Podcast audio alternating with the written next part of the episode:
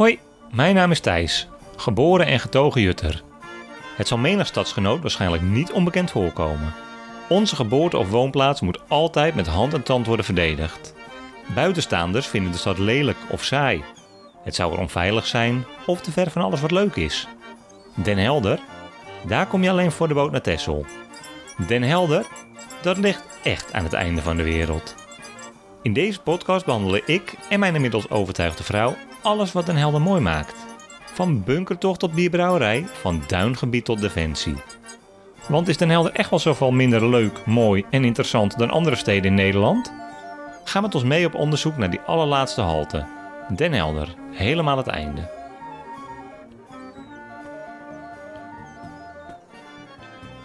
Den Helder is een saaie stad. Een grijze stad, een grauwe stad. Een stad met maar weinig verhalen die de moeite waard zijn. Ik weet wel beter. Ik groeide op in een stad met littekens. Geen enkele stad werd tijdens de Tweede Wereldoorlog zo vaak gebombardeerd als mijn Den Helder. Als kind had ik daar natuurlijk geen idee van, maar kreeg de oorlog wel een gezicht door de vele bunkers die over het landschap uitgestrooid lijken te zijn.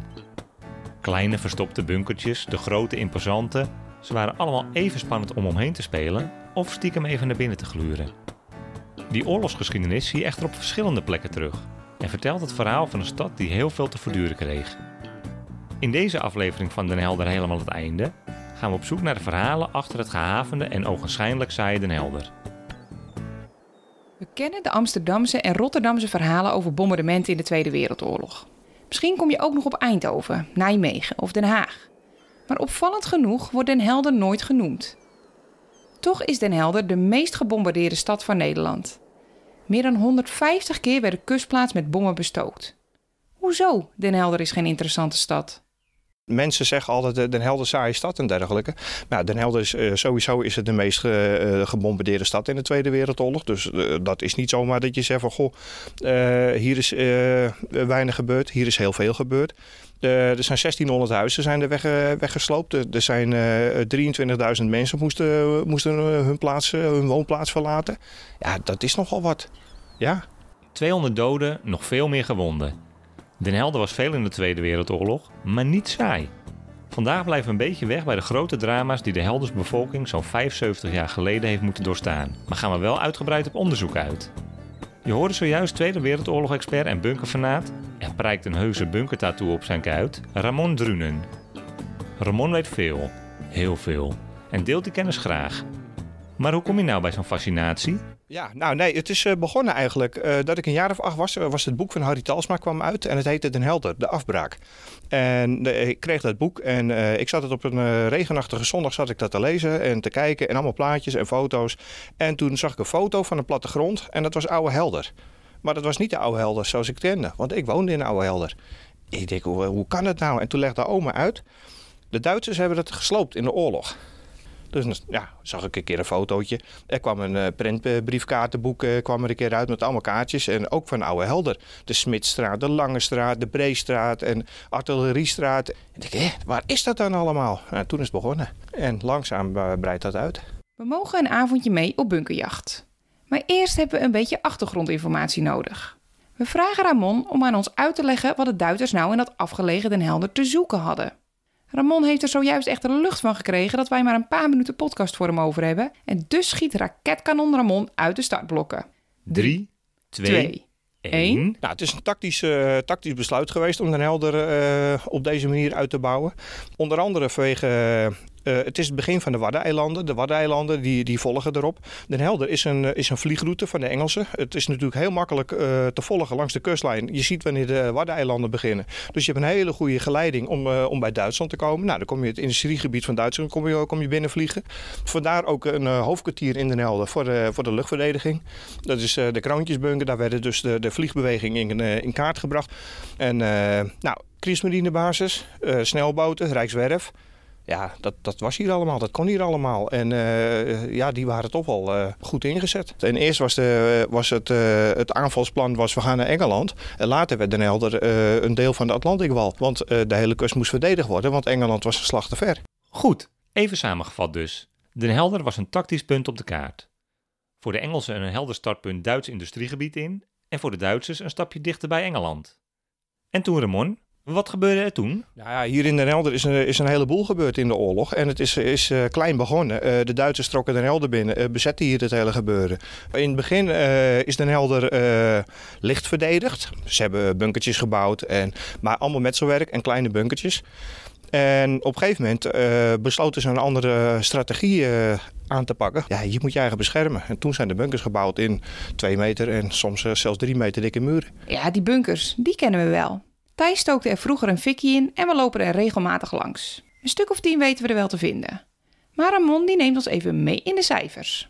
Als we de kleinste bunkertjes meerekenen, en uh, dat zijn bergplaatjes van uh, soms 60 bij 80 centimeter, dan zitten we op 800 bunkers. En dat in vijf jaar tijd, ja. Maar hoeveel zijn daar nu nog van terug te vinden? Ja, ja dat, dat durf ik niet te zeggen. Want iedere keer uh, dan, dan staat een bunker geregistreerd als gesloopt. En ja, toch kom je hem onder de grond tegen per toeval. Dus dan, dan, ja, dan kan je niet echt zeggen van... Goh, dit, dit aantal is er nog. Nee, dat, dat kan je nooit uh, met volle zekerheid bevestigen. Wat vermoed ik? Ik denk dat er toch wel een 200 bunkers nog in de Nelder uh, aanwezig zijn. Daarvan zijn er zichtbaar een stuk of 40, misschien 50. Dat klinkt als schatzoeken, die bunkerjacht. En niet geheel toevallig zijn wij daar dol op.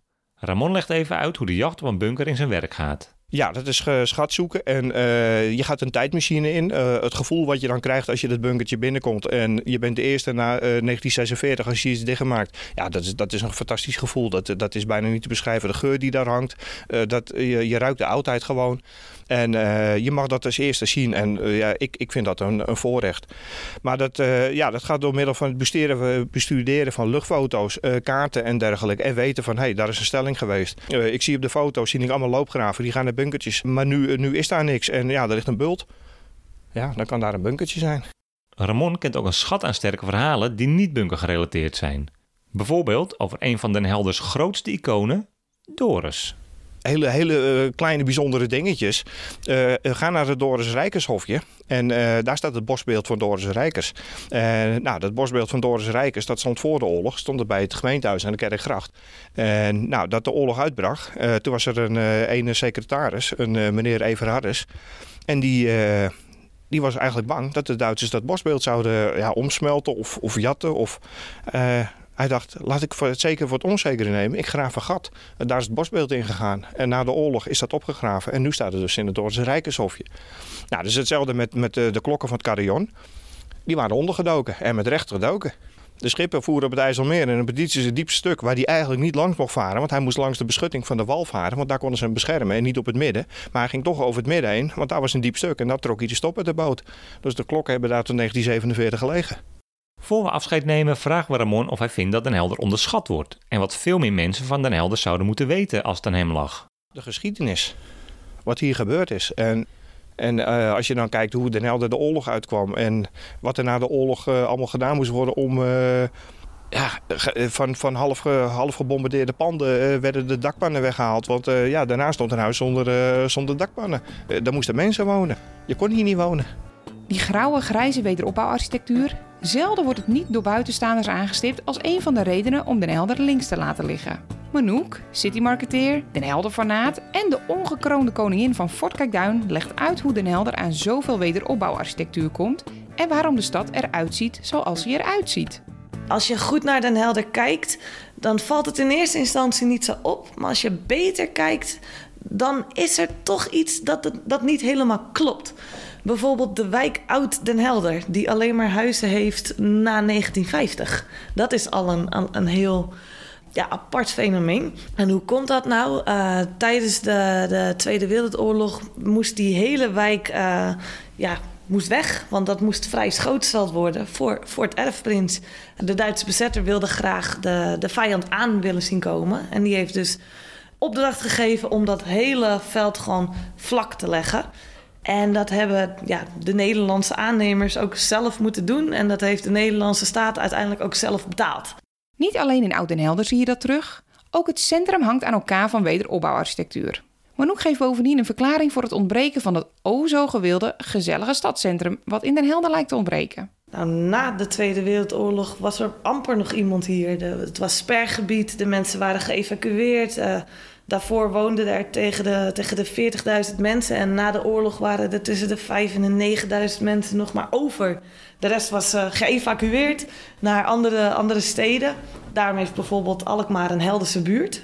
Uh, dat zijn die huisjes die zijn speciaal gemaakt voor de Helderse mensen die hier moesten vluchten. Omdat hier ja, regende de bommen om je oren. Uh, daar komt dus die Helderse weg, Helderse buurt vandaan. En zo hebben ook al die boeren dus mensen opgevangen. Heel veel mensen kwamen na de oorlog niet meer terug. Heel veel ook wel. En die kwamen er vervolgens achter dat hun huis ja, verwoest was, geplunderd. Uh, dus na de oorlog gingen ze heel snel die, die huizen weer, weer opbouwen.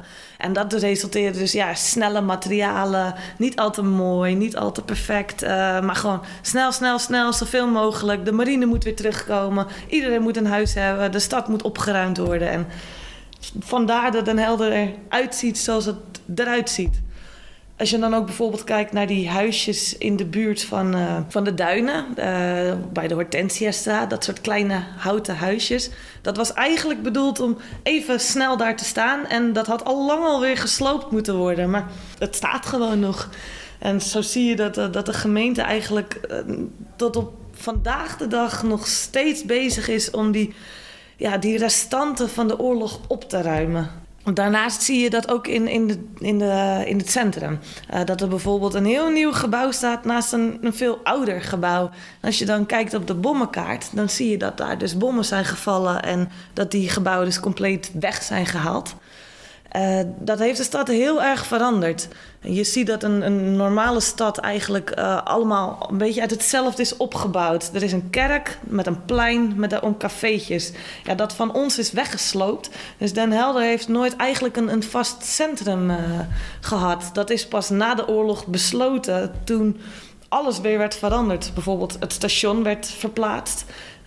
Daar hoor je mensen waarschijnlijk ook nog wel eens over dat dat oude station zo mooi was. Wees blij dat hij weg is, want hij deelde de stad in tweeën. En tenzij ze niet allerlei bruggen viaducten hadden gemaakt, dan had je dus de hele tijd helemaal omgemoeten. En dat maakt het nu, met nu we auto's hebben, allemaal auto's hebben, uh, veel makkelijker. Dat wil niet zeggen dat het station nu heel mooi is, maar dat is wederopbouwarchitectuur. En daar, daar barst Den Helder van. Uh, dat is architectuur wat in, bijvoorbeeld in Hilversum al heel erg gewaardeerd wordt, maar in Den Helder nog niet. Manouk heeft ons uitgenodigd om op Fort Kijkduin met haar te komen praten. In aflevering 3 komen we nog even terug bij Manouk en haar geliefde fort, maar voor nu zijn we vooral benieuwd welke functie het fort had in de Tweede Wereldoorlog. Het bleek door de bezetter te zijn overgenomen en bovendien flink mishandeld. Ja, ze hebben het fort wel mishandeld. Uh, en de geschiedenis werd daardoor herhaald. Uh, het fort komt uit 1811 en in 1822 werd er een vuurtoren bovenop het fort gezet. Die overigens een paar meter hoger was dan de vuurtoren die we nu hebben. Maar dat komt omdat onze basis hier is natuurlijk al een stuk hoger. Alleen die vuurtoren was echt dusdanig zwaar dat er scheuren in het fort ontstonden. En toen moesten die soldaten van toen uh, weer onder het fort gaan graven om de boel opnieuw te gaan stutten. Dus na 50 jaar hebben ze die toren weggehaald en toen de Lange Jaap gebouwd. Dan zitten we in het jaar 1878. En in uh, nou, 1940 kwam de Duitse bezetter hier zo. En die beging dezelfde fout. Die uh, heeft dus besloten om weer iets heel zwaars op dat dak te zetten. Een hele grote betonnen kap. Om het fort te beschermen tegen uh, bominslagen. Alleen, dat wisten zij ook als er een bominslag kwam, dan wisten ze dat dit fort dat niet zou houden. Dat het wellicht zou gaan instorten. Dus die slimme Duitsers, die sliepen dus niet hier in dit fort. Die sliepen dus in die manschappenbunkers hier verderop in de duinen. Dan waren ze nog wel zo aardig om uh, tegen de Huisduinerbevolking te zeggen... jullie zijn welkom om op Fort Kijkduin te komen slapen als er bombardementen komen. Den Helder is dus heel duidelijk verweven met haar oorlogshistorie... Maar waar moet je nou beginnen als je meer wilt weten over dit fascinerende stukje geschiedenis? In het Atlantic Centrum. Ja, dat centrum is er nu helemaal voor gemaakt uh, om ja, het verhaal van de Atlantic Wall te vertellen. Dus en de 5000 kilometer lange muur, waarvan enkele kilometers Den Helder was. En Den Helder was toch echt, echt een belangrijk punt, strategisch punt. En daar is dus nu een, ja, een interactieve expositie uh, over gemaakt met een, een bommenkaart. Zodat je ook gewoon kan zien van wat is er allemaal terechtgekomen op, op Den Helder en door wie. Want dat is ook nog een belangrijke. Je zou in eerste instantie denken, de Duitse bezetter heeft onze stad verwoest. Dat is dus niet zo, dat waren de Engelsen. En dat is ook nog een, echt een huh, momentje voor heel veel mensen. Van, oh, de geallieerden hebben onze stad dus zo stuk gemaakt. En waarom dan? En hoe kan dat? Daar zit ook nog weer een heel verhaal achter. Op dat verhaal komen we zo nog even terug. Maar eerst die Atlantikwal. Ramon liet de naam al eerder vallen, maar Karin, receptioniste bij het nieuwste museum van Den Helder, vertelt even wat de Atlantikwal nou precies was. Ja, ja een verdedigingslinie uh, die uh, men, men, men, uh, door de woord Atlantic Wall ziet men in eerste instantie een soort Chinese muur, zeg maar. Maar dat, het zijn allemaal gewoon bunkers op lijn met grotere bunkers daartussen. En uh, die staan gewoon inderdaad gewoon van, van Biarritz tot aan uh, Noordkaap uh, over de hele kust verdeeld. En hier in Nederland is gewoon heel veel weggehaald. Ook door de dijkverzwaring en allerlei dingen. Maar hier in Den Helder is nog relatief veel bewaard gebleven erin. En nog redelijk onontdekt. Eigenlijk is het best best knap. Ze hebben in twee jaar zoveel gepresteerd dat het bijna niet te bedenken is hoe ze dat logistiek hebben gedaan. En de gedachte daarachter, een verdedigingslinie, bleek eigenlijk al na een jaar niet haalbaar. Maar ze gingen gewoon wel door met de bouw. Uh, dus he heel veel stukken is nooit in gebruik geweest ook. Hier in Den Helder is het eigenlijk ook nooit echt in gebruik geweest. Alleen dit stukje vanwege de onderhoud van, van alle uh, machines en bewapening. Maar echt functioneel, die bunkers. Er zijn heel veel bunkers nog ineens. Uh, achter Fort Kijkduin heeft ook nog een heel stuk klaargelegen om gebouwd te worden. Is ook nooit van de grond afgekomen, omdat het toen al bleek van ja, het heeft geen zin meer. Die idee is geweest. Dus, uh... Het museum is gevestigd in een gebouw dat in Den Helder bekend staat als het Oude Casino. Het sprak altijd vreselijk tot de verbeelding. Duitsers die na een hele dag oorlog voeren in uniform een potje dobbelden of in rokerige ruimtes pokerden tussen de bombardementen door. Ik kan dan ook niet wachten om een kijkje te nemen in dat oude casino. Ik blijk er nogal naast te zitten. Nee, dit was echt een, uh, een administratiekantoor. Dus dit, hier werkten ze. Er was ook een schuilkelder onder. En ja, het, uh, de, de spraakverwarring is een officiersgebouw noem je in Duitsland casino. Alleen mensen hier in Den Helder dachten ook vanwege het uiterlijk dat het werkelijk een casino was. En ja, dat, dat is altijd blijven hangen. Als je, als je spreekt over het casino, heeft men, hebben mensen de gedachte van ja, dat is dat gebouw waar van alles gebeurde, feesten, partijen. Dat, ja, misschien dat wel, maar uh, niet uh, oorspronkelijk. Het was gewoon echt een administratiekantoor. Goed, geen casino dus, maar wat deden ze hier dan wel? Vanuit Fort Kijkduin hebben ze in 42 dit gebied ontwikkeld, omdat ze gewoon ruimte nodig hadden voor bewapening. Uh, dus er stonden hier heel veel loodsen. Er is er nog maar eentje over. Maar dat hele trein stond hier gewoon vol met loodsen. Voor bewapening, voor onderhoud. En dat ging dan weer alle kanten op eigenlijk. En uh, dit gebouw was voor officieren. En daarom ziet het er waarschijnlijk ook wat luxueuzer uit dat men wel wat indruk wilde maken op de lokale bevolking hiermee met dit gebouw. Je moet echt je best doen om tijdens je bezoek aan Den Helder niet te struikelen over een bunker of geconfronteerd te worden met haar onderbelichte oorlogsgeschiedenis. Nog even terug naar dat recordaantal. Maar liefst 150 keer werd de stad bestookt met bommen. Maar hoe zat dat nou precies? Waarom moest nou juist Den Helder het ontgelden? Uh, in principe hebben de Duitsers maar een paar keer gebombardeerd, alleen in het begin. En voor de rest zijn het alleen de Britten geweest. En die uh, kennis wilden heel veel mensen ook niet aannemen. Die hebben altijd, altijd in hun hoofd gedacht dat het altijd, alle bombardementen waren van de Duitsers. Terwijl het eigenlijk 80% uh, geallieerden waren. En wat ook zo was, uh, ze hadden vluchten vanuit Engeland naar Duitsland. Maar als ze nog bommen over hadden, ze konden niet landen met uh, munitie. Dus als ze wat over hadden, dan gooiden ze het gewoon op de terugweg nog op, op de route wat ze, wat ze tegenkwamen. Nou ja, Den Helder ligt redelijk op de vluchtroute richting Engeland. Dus eh, als ze bommen over hadden, dan eh, werd het hier nog eventjes neergegooid. Den Helder, een stad die context behoeft, een stad met veel gezichten. En voor wie bereid is verder te kijken, ook vooral een stad waar nog wat te ontdekken valt. Waar de verhalen nog vers zijn en voor het oprapen liggen, als je maar goed kijkt. Ga op bunkertocht en ontdek de vele gezichten van een stad met littekens. Je luisterde naar Den Helder, helemaal het einde. Een podcast gemaakt door Van Verhalen in samenwerking met City Marketing Den Helder. Wil je meer weten over Den Helder? Ga naar www.denhelder.online. Meer over de makers vind je op www.vanverhalen.nl. De muziek die je hoorde is van Michiel Tegelberg. Rest ons alleen nog alle gasten die wij het hemd van het lijf mochten vragen over alles wat Den Helder mooi, puur en interessant maakt te bedanken. Bedankt! Den Helder. Het eind van de wereld zeggen ze. Het land houdt daar gewoon op. Nou, voor mij is het ook het einde. Ik vind het gewoon helemaal top.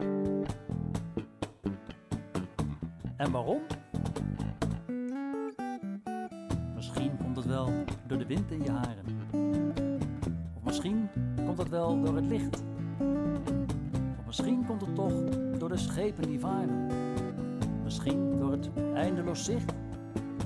Misschien komt het wel door de zonneuren. Misschien door de zuivere lucht. Misschien door het steeds naar de horizon turen. Naar duizenden ganzen in vlucht. Misschien zijn het toch al die wolkenfiguren. Den helder houdt nooit op. Het is gewoon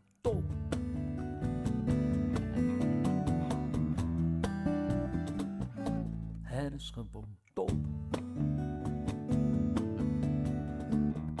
Ik weet niet hoe ik het zeggen moet en ik weet niet hoe het komt.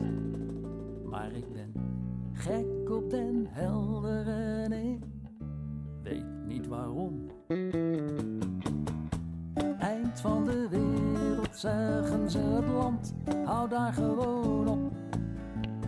Ja, het is ook het einde hier. Wat het is? Het is gewoon top. Misschien komt het wel door kijkduinen en het strand. Misschien nogal die de Zaanzee. Misschien door het golvende duinenland. Misschien neemt het wat je hart mee. Misschien komt het wel door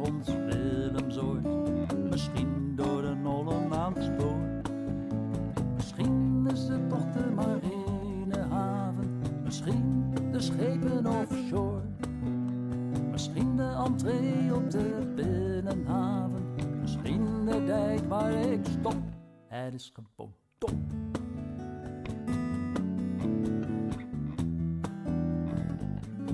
Het is gewoon top. Ik weet niet hoe ik het zeggen moet en ik weet niet hoe het komt.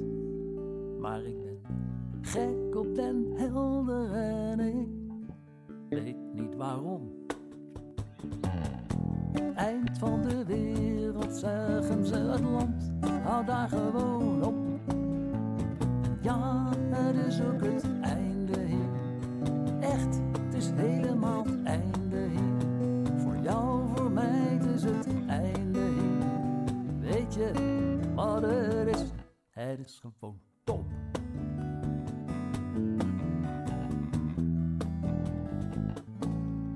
Het is gewoon helemaal